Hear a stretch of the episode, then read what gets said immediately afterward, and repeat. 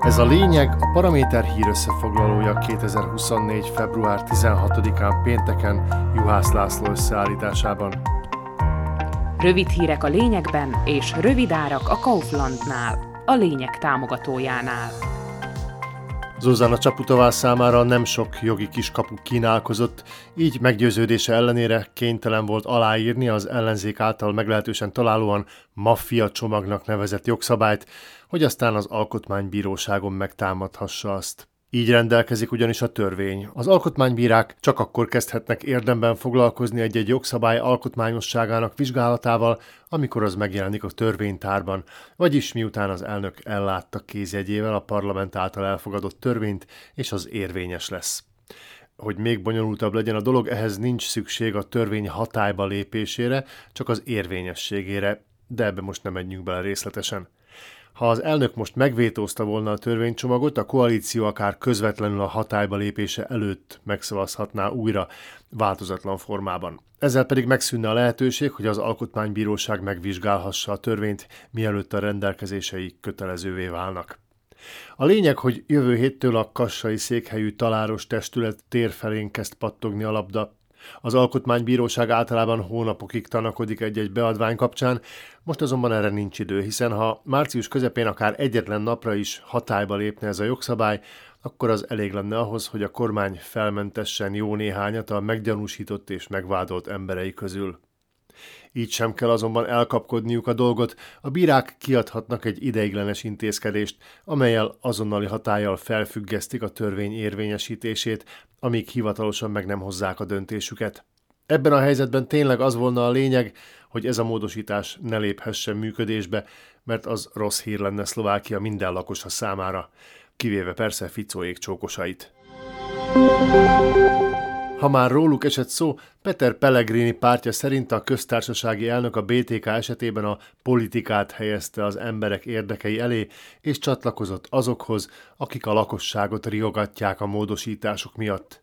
A Hlasz elnöke szerint az államfő lehetetlenné tette, hogy a parlament esetleg tovább módosítsa az egyes rendelkezéseket. Elég vicces ez a reakció a házelnök részéről. Pellegrini mintha nem akarná megérteni, mi a gond a jogszabályjal. Nem az egyes rendelkezései finom hangolására van szükség, hanem arra, hogy az egészet úgy, ahogy van, kukázzák. Sokkal józanabbul látja a helyzetet az ellenzéki SAS. Mária Koliková igazságügyi ex-miniszter helyesli Csaputová húzását, és azt is kijelentette, hogy szerinte a BTK módosításának olyan sok buktatója van, hogy az elegendő lesz a hatályba lépésének felfüggesztéséhez. Azt csak remélhetjük, hogy ez nem kincstári optimizmus, hanem jogi szakvélemény a részéről. Sok múlik majd az alkotmánybírósági beadvány indoklásán, és persze a legtöbb magukon az alkotmánybírókon. Dönthetnek így is, úgy is. Egy valami azonban már a laikus megfigyelő számára is körvonalazódik.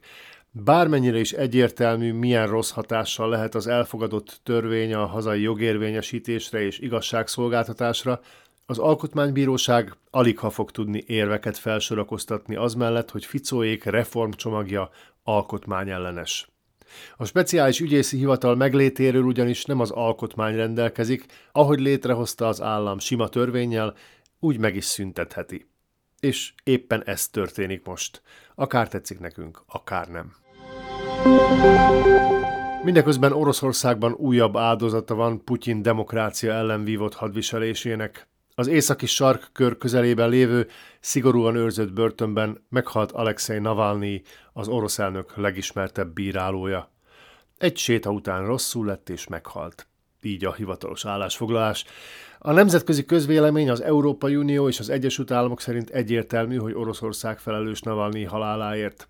Amikor az orosz elnök rezsimje megelégelte, hogy Navalnyi a 2000-es évektől fogva sorozatos leleplezésekkel és tényfeltárásokkal próbált részt ütni a terrorkrácia pajzsán, perekkel és börtönnel igyekezett honorálni a legbefolyásosabb ellenzéki politikus tevékenységét.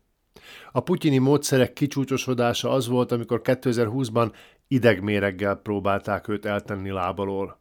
Majd a börtönévek következtek olyan körülmények között, amelyek lényegében kínzásnak számítottak, és ami az Amnesty International szerint oda vezethet, hogy lassan megölik az ellenzéki politikust. Ezt 2021 áprilisában írta a Nemzetközi Jogvédő Szervezet, A gyilkosság, amelyet Putyin rezsimje persze sohasem fog elismerni, három évvel később bekövetkezett. Ez volt a lényeg 2024. február 16-án pénteken Juhász László összeállításában. Kommentált hírösszefoglalóval hétfő este fél hétkor jelentkezünk ismét a Paraméteren, podcastjainkat pedig a Paramédia rovatban találják, illetve a Spotify, az Apple Podcasts, a Google Podcasts és a Podbean platformjain.